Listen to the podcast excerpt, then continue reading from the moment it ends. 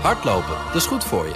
En Nationale Nederlanden helpt je daar graag bij. Bijvoorbeeld met onze digitale NN Running Coach... die antwoord geeft op al je hardloopvragen. Dus, kom ook in beweging. Onze support heb je. Kijk op nn.nl slash hardlopen. Als de beleidsmakers vandaag naar BNR Nieuwsradio luisteren... dan valt wellicht een nieuwe toeslagenaffaire te voorkomen.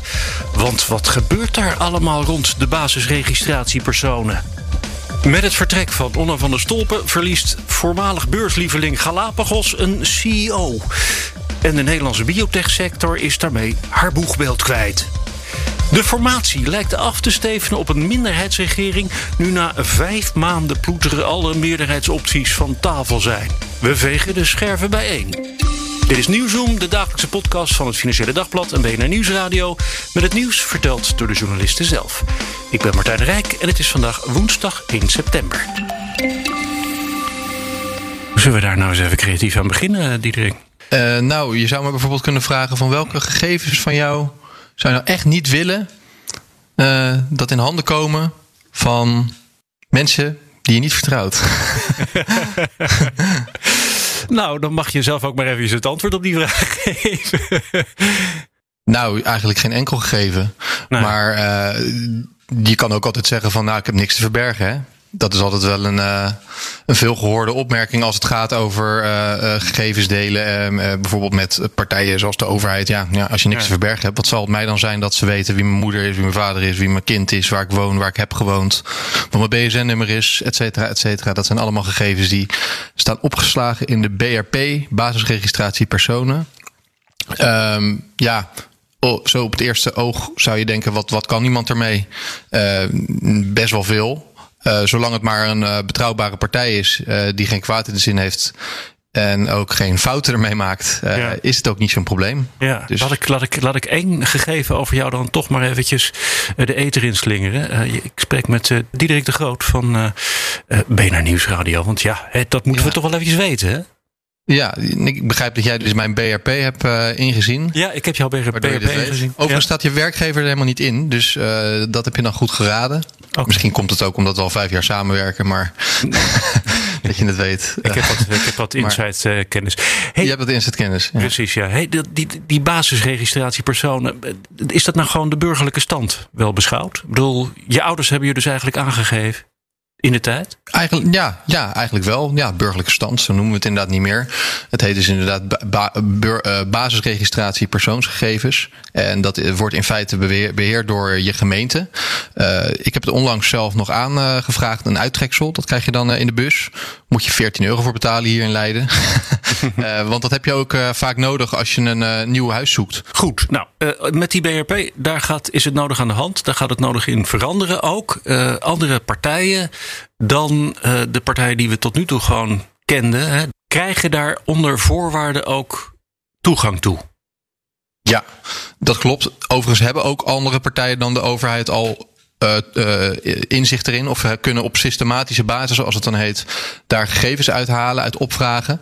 Maar waar het nu om gaat, is dat er met een uh, zogenoemde algemene maatregel van bestuur, wil Binnenlandse Zaken, meer partijen daar toegang toe geven op systematische basis. En dat zijn dan klinisch-genetische centra, die dus familieleden van een patiënt zouden willen informeren over erfelijke aandoeningen als die zijn vastgesteld.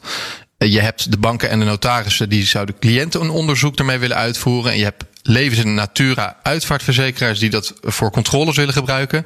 En het uh, punt waar het meeste zorg over is bij experts en ook bij Kamerlid Leijten die we spraken, is dat het informatieknooppunt zorgfraude er ook mm -hmm. inzicht in wil. En dat is een, uh, een knooppunt, moet nog een beetje gecreëerd worden, dat zorgfraude wil bestrijden. En uh, nou ja, het woord fraude in combinatie met persoonsgegevens, dat doet natuurlijk wel een belletje rinkelen. Ja, ja de, de toeslagenaffaire, met, dat was natuurlijk met de kinderbijslag. En de Belastingdienst heeft daar ook op basis, ja, op systematische basis eigenlijk, naar bepaalde gegevens van mensen gekeken. En op basis van bepaalde indicaties of signalen, signalen die dus in de gegevens te zien waren, zijn mensen op zwarte lijsten terechtgekomen en zijn levens kapot gemaakt, zoals we weten.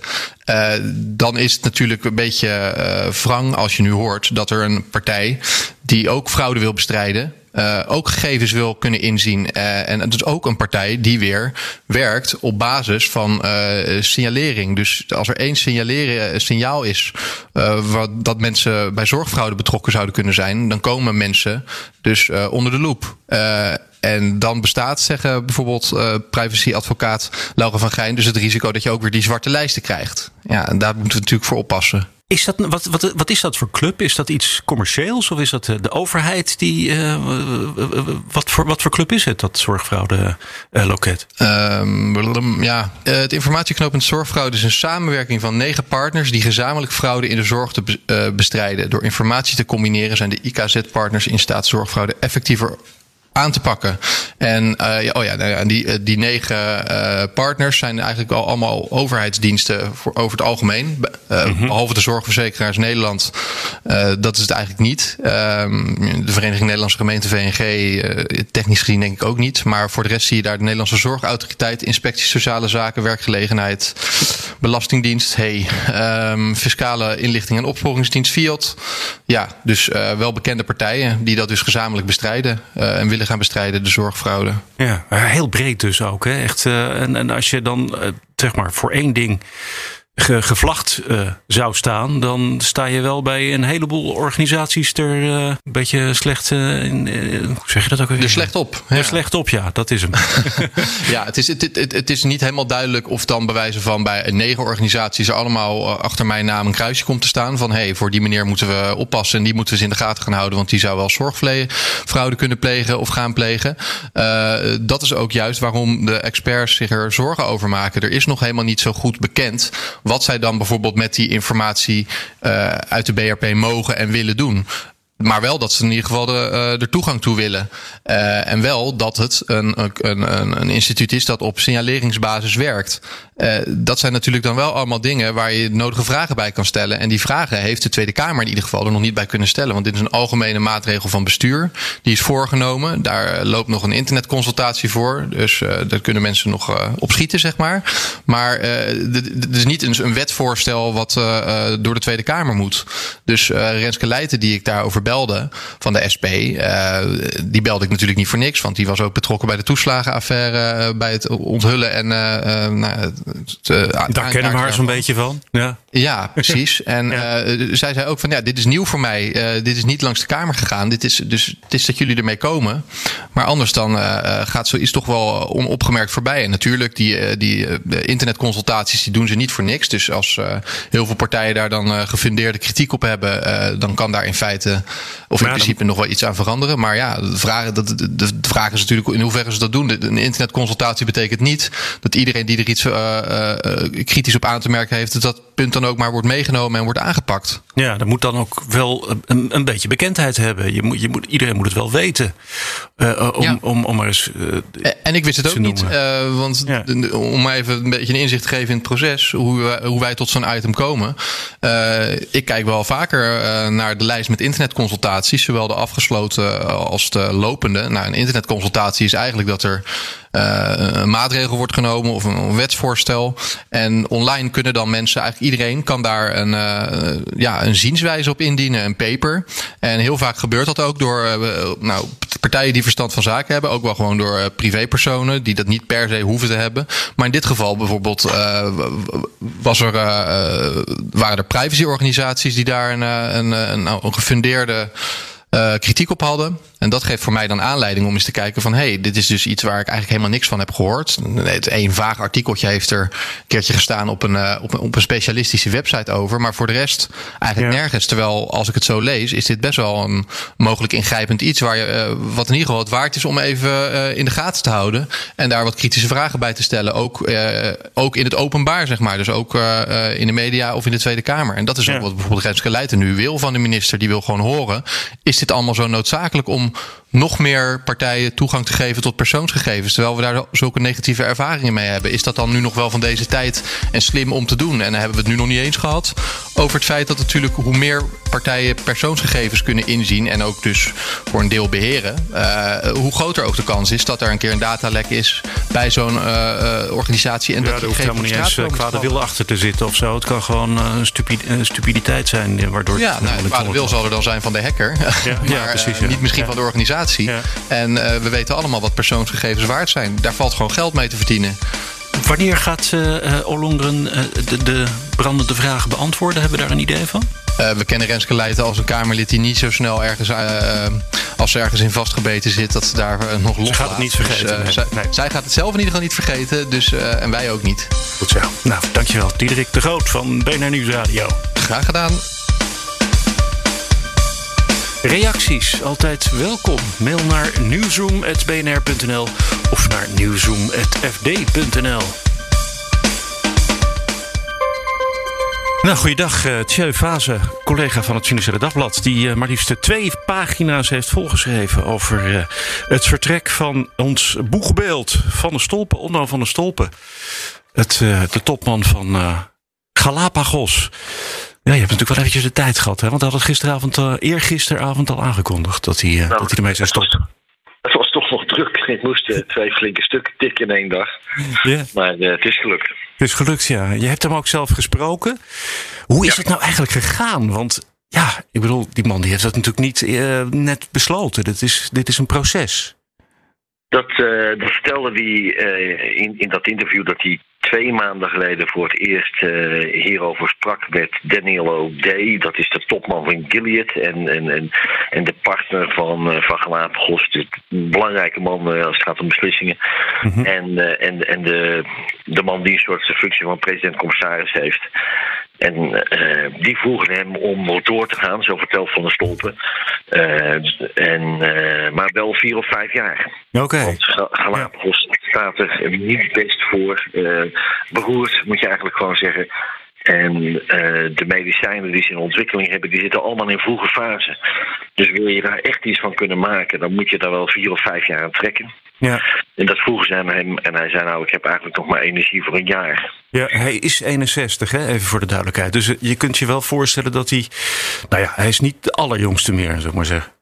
Ja, maar wat dan toch meer, denk ik, belangrijker nog is, is dat hij dit al 22 jaar doet. Dat hij dit, dit bedrijf vanaf nul heeft opgebouwd. Ja. Dat hij twee jaar geleden, zoals hij zegt, op het toppunt van de roem stond. Ik kijk dan vaak naar de beurskoers. En die beurskoers tegen toen een waarde van 12 miljard. Nou, dat is nu teruggevallen naar 3 miljard. Dus ja, dat geeft een beetje aan dat hij weer helemaal. Uh, uh, kan niet zeggen terug naar af, maar, maar is ver teruggeworpen. Dus hij moet nu weer opnieuw beginnen om, uh, om, om, om, om, medicijnen te ontwikkelen. En te hopen dat dat naarmate die in een latere fase komen, stijgt de waarde van dat soort processen. Ja. ja, je hebt er zo'n prachtig uh, landschapje bij gemaakt. Waarbij je, uh, de, ik zal maar zeggen, de Himalaya, dat is uh, dan 2020. Als het aandeel Galapagos op bijna 250 euro ja, staat. En nu is hij teruggevallen naar het niveau van de Vaalse berg, denk ja, ik. Precies, nee, het, het, het, het, gaat van, ja, heel veel beleggers weten dat. Want het was, Galapagos was een heel geliefd aandeel bij veel beleggers. Uh, het was natuurlijk ook een beetje speculatief en uh, het ging hard omhoog. Uh, het was riskant. En dat het riskant is, was en is, dat is gebleken afgelopen anderhalf jaar. Want het is weer keihard naar beneden gegaan. Hè. De, de koers is van 250 euro teruggevallen naar een euro 50. Ja, Filgotinib, dat is dan een beetje zeg maar de naam van het medicijn waar de problemen echt mee begonnen, hè? anderhalf jaar geleden. Ja, ook de waarde, maar ook de problemen. Hè. Dus de, de, dat is een reuma-medicijn of ontstekingsremmer, ook voor andere ontstekingsziekten. En dat is een heel groot ziektegebied. Uh, omdat mensen die medicijnen vaak jaren gebruiken. Mm-hmm. En uh, daar gaat heel veel geld in om. En dat maakte uh, dat, dat, dat Galapagos zo hoog steeg, zoveel, zo waardevol werd. Um, maar toen het erop aankwam, het, het, het UU, bleken de Amerikanen toch te veel aarzelingen te hebben over dat medicijn en kwam het niet op de Amerikaanse markt. Um, ja, en bijwerkingen, toen, geloof ik, hè? En zo. Ja. Bijwerking, ja, dat ja. was eigenlijk wel uh, opvallend. Omdat Van der Stolp altijd dacht dat zijn medicijn of het Galapagos medicijn minder bijwerkingen zou hebben dan concurrerende middelen. Um, nou, die, die inschatting die de Amerikanen maakten, die was daar dus anders. Ja, te, te, optimistisch is hij dan. Hè? En dat, dat, dat past wel bij de man, dat hij uh, uh, in ieder geval heel erg optimistisch is. Absoluut. Uh, dat past trouwens een beetje bij de hele sector. En misschien überhaupt bij ondernemers. Je moet natuurlijk geloven en eigenlijk kunnen. Ja, dat is waar. Ja. Uh, en, maar hier geldt het nog meer. Want het is een rare financieringsstructuur die de, dit soort bedrijven kennen. ze moeten geld ophalen om dat in onderzoek te investeren. Maar de eerste 10, soms 20 jaar wordt er niks verdiend. Dus we moeten steeds weer opnieuw iemand vinden die zegt van nou, ik zie hier toekomst in, ik steek er geld in. Um, en dat moet je dus wel verkopen. Je moet dus wel steeds die investeerders en die beleggers ervan weten te overtuigen. Ja, dit medicijn, dat gaat het worden. Dit medicijn kan mhm. het verschil maken. Ik steek er mijn geld in. En daar was hij heel goed in. Ja, dan moet je natuurlijk niet te veel uh, twijfel laten doorklinken. En dat, dat deed hij ook niet. Nee. Ik lees ergens in het interview met je dat hij zelf toch ook denkt van, nou ja, misschien ben ik af en toe daar dan, toch een klein beetje in doorgeschoten in dat, uh, in dat optimisme. Dat, uh, dat zegt hij. En uh, ik denk ook dat het, dat onvermijdelijk is dat hij die conclusie trekt. En dat geldt dan weer minder voor dat medicijn waar we het net over hadden, veel groter niet. Maar uh, er waren nog twee andere medicijnen waar uh, Galapagos aan weten tegen artrose en tegen een longziekte. Uh, en daarvan kon je van tevoren al wel inschatten dat dat heel moeilijk zou zijn. Want daar zijn geen medicijnen voor en daar zijn geen medicijnen voor omdat die ziekte zich lastig laat behandelen. Mm Dus de potentie dat jij als eerste daar een werkend medicijn voor hebt, dat is, dat is heel erg ambitieus. En ja, daar, daar heeft hij te makkelijk over gedacht. Ja, nou is hij dus weg. Uh, de beurs is blij. Ja, ja dat is altijd wel uh, ironisch en ook een beetje. Uh, ja, de, de, het oordeel is dan hard. Ik bedoel, mensen zijn blij dat hij weggaat, opgelucht, nieuwe kansen. Ja, nieuwe, nieuwe ronde, nieuwe kansen, ja. Maar ja, er, zijn, er zijn nog twee dingen die ik dan van je wil horen. De ene is, kijk, hij was natuurlijk wel echt, echt het boegbeeld van onze uh, een, een Nederlandse uh, farmaciesector. Ja. En nou hebben we geen boegbeeld meer. Nee, dat is natuurlijk ontzettend jammer. Ja.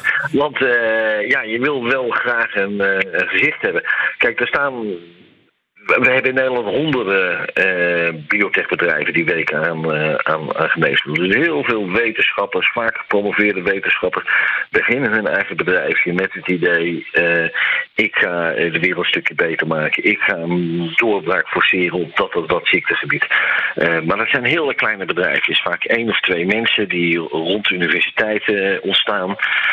die zijn onzichtbaar. Maar Galapagos was zichtbaar ook door zijn beursnotering. En zijn succesvolle beursnoteringen sprongen ze in het, in het, in het oog. Um, en er zijn in Nederland nog maar twee biotechbedrijven die een beursnotering hebben. Dat zijn Galapagos en, en Farming. Dus de zichtbaarheid van de, van, van de sector neemt gewoon af. En uh, nou, ik ben benieuwd of er iemand daar in dat uh, gat gaat duiken, maar ik zie het nog niet. Nee. En dan het andere ding wat ik van je wil weten is: uh, hoe moet het nou verder met Galapagos? Want ja, er zal toch iemand aan het roer moeten zitten daar. Het, het, het bedrijf is er gewoon nog. Ja, zeker. En het bedrijf heeft natuurlijk ook nog uh, volop kansen. Want ze zitten op een enorme zak geld van 5 miljard. Uh, die ze ooit van Gilead uh, hebben gekregen voor, voor de samenwerking. Nou, met die 5 miljard kunnen ze natuurlijk van alles doen. ze gaan op zoek naar iemand van buiten. En, en, en, en iemand met een onderzoek- en ontwikkelingsachtergrond is me verteld. En ehm, ja, dat zal wel even duren dat hij er komt. Ik verwacht zelf dat er nog wel wat meer gaat gebeuren. Ik denk dat er veel meer mensen nog bij Galapagos weggaan. Dat de huidige bestuur, dat zijn allemaal mensen die van dezelfde generatie zijn of van de stolpen, die zullen weggaan. En misschien zullen er ook nog wel één of twee bedrijfsonderdelen of onderzoeksprogramma's worden verkocht. Dat kan het bedrijf ook echt belangrijke mensen gaan kosten. Ik bedoel, weet de beurs dat wel? Ah, ik bedoel, de koers kan niet meer lager. De koers okay. kan, eh, zou je bijna denken. Het, staat, het kan altijd nog lager, maar het is wel. Nee, ik, ik denk, er zijn nu twee. Er is ook een belangrijkste wetenschapper, is eerder dit jaar vertrokken. Um, dus als de mensen weggaan, dan zal een nieuwe topman of topvrouw, die zal ook weer op zoek gaan uh, naar, naar weer wetenschappers. Nou, ik wil niet zeggen dat het, dat het, uh, dat het goed komt, maar dat, dat er nu een generatiewisseling is bij dat bedrijf, dat die, die verder gaat dan van de stolpen, dat lijkt me heel uh, voor de hand liggen en misschien ook wel gezond. Nou, Hartstikke goed. Dankjewel, Tjeu Fase van het Financiële Dagblad. En laten we hopen dat uh, Galapagos een uh, nieuwe Himalaya-toestand uh, voor de boegen heeft. Want ja, ze kunnen ze wel een beetje gebruiken, toch? Kijk, maar hopelijk ook weer een, een nieuwe gezicht of een nieuw boegmuls voor de hele sector. Ja, Zo is dat. dat zou mooi zijn. Dankjewel. Oké, okay. graag gedaan, Martijn. Goeiedag. Nou ja, als we dit uh, horen, misschien op zender, dan wie weet hebben we dan al een persmomentje van Hamer. Maar ja, dat is niet zeker, maar je weet maar nooit. Je wou net zeggen, uh, Hamer die zou er wel eens het, uh, het hamertje bij neer kunnen gooien? Ja, het hamertje. Nou, het, het, het, grappige is dat ik dat gisteren ook al twitterde. Van ja, het bijltje erbij neergooien of uh, mislukt teruggeven. Toen werd ik toch even gecorrigeerd door het bureau van Hamer. Mm -hmm. Nee, maar ja, het is niet mislukt. Hè. Ze heeft gewoon haar opdracht heeft ze gewoon afgerond. En uh, ze heeft met iedereen gepraat. Ze heeft het opgeschreven, maar het is aan de partijen. De, eigenlijk hebben de partijen het verkloot. Dat was de boodschap. Maar het is niet de schuld van Mariette Hamer.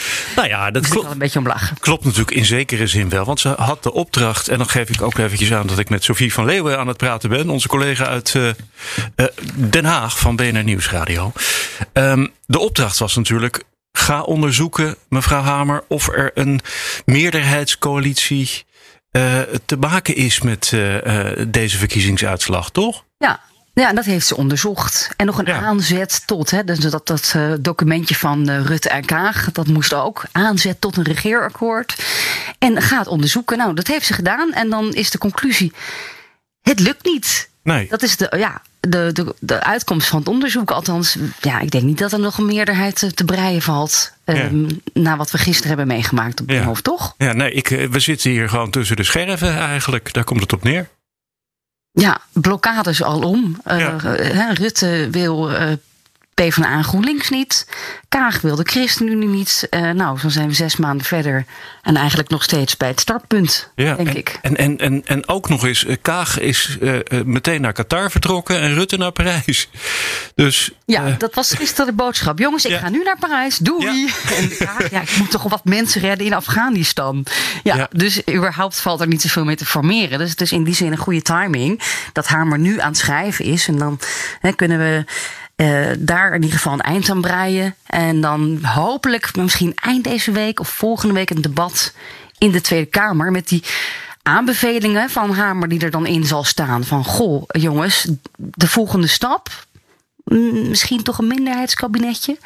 Dat gaan we het er volgende week over hebben, denk ik. Zullen we nog eventjes naar die scherven kijken? Hè? Want uh, is het nou echt stuk gelopen op de inhoud, zoals de opdracht was? Hè? Of er op basis van de inhoud een meerderheidskabinet te vormen was?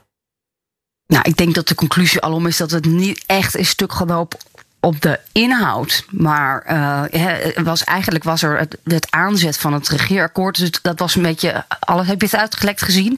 Van uh, meer overheid, minder markt. Hè. Er stond ook nog iets in over het regenboogakkoord. meer rechten voor homostellen, bijvoorbeeld meer ouderschap. Nou, daar waren PvdA en GroenLinks best wel enthousiast over.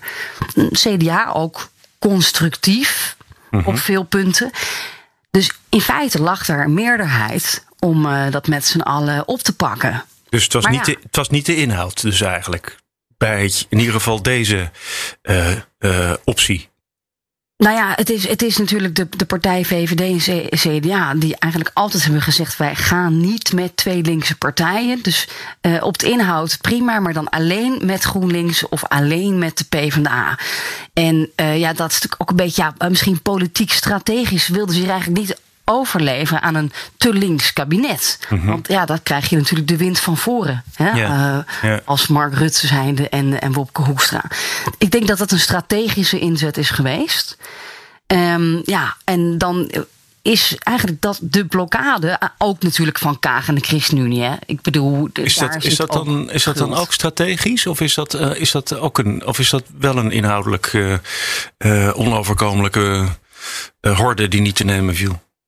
Nou ja, je kunt natuurlijk ook denken van we zitten in een hele grote crisis. Hè. Denk de woningmarkt, stikstof, klimaat, weet ik het allemaal, toeslagen. Dat moet lukken, maar zeker omdat ze al vier jaar samen gezeten hebben in een kabinet. Dat zou best moeten kunnen. Je regeert al vier jaar. De ChristenUnie is, is best ja. wel een links-progressieve partij. En dan ga je het eigenlijk laten klappen op voltooid leven. Omdat ja, als D66 natuurlijk eindeloos al je kroonjuwelen hebt ingeleverd. En, en dan nu zo hard uh, ja, die belofte wil waarmaken. Dat kan natuurlijk wel met een, met een minderheidskabinet. Hè? Want dan, er is een meerderheid in de Kamer voor dit soort standpunten. Het probleem is dan wel dat je dan ja, met migratie misschien ook weer een meerderheid hebt voor een hard migratiebeleid. Dus het wordt voor D66 nog best wel een puzzel om dan een, een aangename minderheidscoalitie te gaan vormen. Waarin jij ook een beetje je zin kunt doordrijven. Uh, Zo'n minderheidscoalitie bestaat natuurlijk ook uit meerdere partijen. Uh, wat voor smaken hebben we? Ik bedoel, natuurlijk VVD en D66 met z'n tweetjes. Dat is de optie uh, inderdaad, waar D66 toch een beetje de voorkeur voor heeft, denk ik. Die hebben altijd ja. gezegd, we gaan niet uh, met twee conservatieve partijen in de minderheidscoalitie. Nee, nee, dat gaan we niet doen. Er moet dan nog een progressieve partij naast. Dus VVD wil juist wel CDA erbij. die wil zich weer niet overleven aan, de, aan Sigrid Kaag van D66 en haar progressieve dromen. Dus ja, ik moet zeggen dat die impasse, zoals het er nu naar uitziet, die we al zes maanden zien, die is nog niet opgelost. Nee. Ook niet als we een minderheidskabinet gaan vormen. Ja, en als we elkaar nou lo toch uh, loslaten, de Partij van de Arbeid en GroenLinks, of gaat dat gewoon niet gebeuren? Ja, dat is natuurlijk waar sommige mensen in Den Haag op hopen. Ja, ik weet niet, heb jij ze gezien met, met elkaar, die kleffen, klaver en ploemen, tot met het fietsenhok en uh, elkaars zinnen aanvullen, jut en jul? Ik, ik kan me niet voorstellen dat die twee nog uit elkaar gaan. En ja, sowieso is er natuurlijk ook in de achterban best wel veel onrust hè, over dat het een gevaarlijke exercitie zou zijn als die twee dan samen in zo'n kabinet zouden gaan zitten. Misschien is het veiliger om in de oppositie gewoon even rustig die nieuwe mogelijke fusie op te bouwen. Daar zijn ook wel heel veel voorstanders voor aan de linkerflank. Dus ja, het pijnlijke is natuurlijk wel dat ze dan weer onzichtbaar misschien steun moeten geven aan allerlei klimaatakkoorden. Eh, ja, vanuit de oppositie. Ook, dat heb je afgelopen jaren gezien in de Eerste Kamer.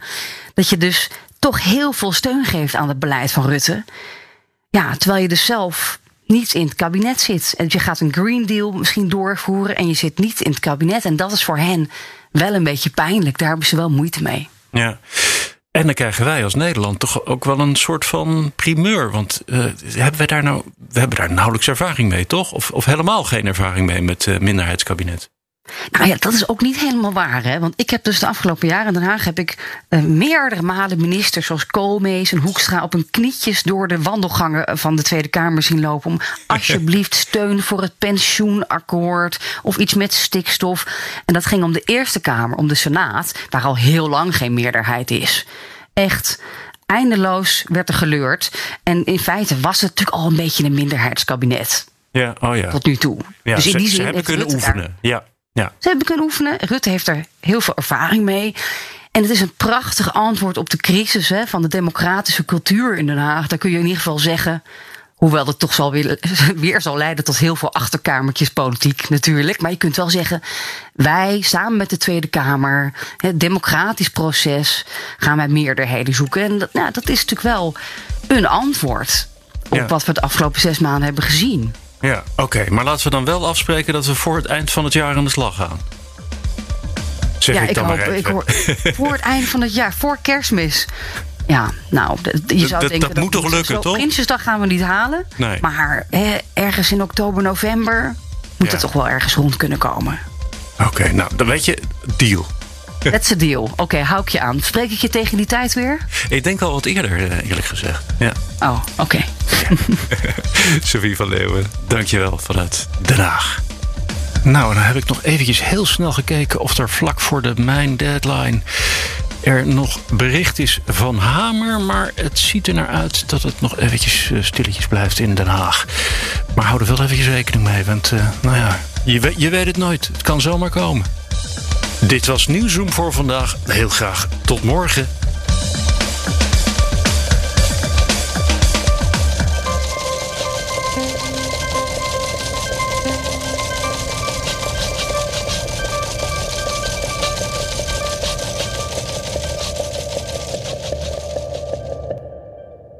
Business Booster. Hey ondernemer, KPN heeft nu Business Boosters. Deals die jouw bedrijf echt vooruit helpen. Zoals nu, zakelijk tv en internet, inclusief narrowcasting... de eerste 9 maanden voor maar 30 euro per maand. Beleef het EK samen met je klanten in de hoogste kwaliteit. Kijk op kpn.com businessbooster. Business Booster.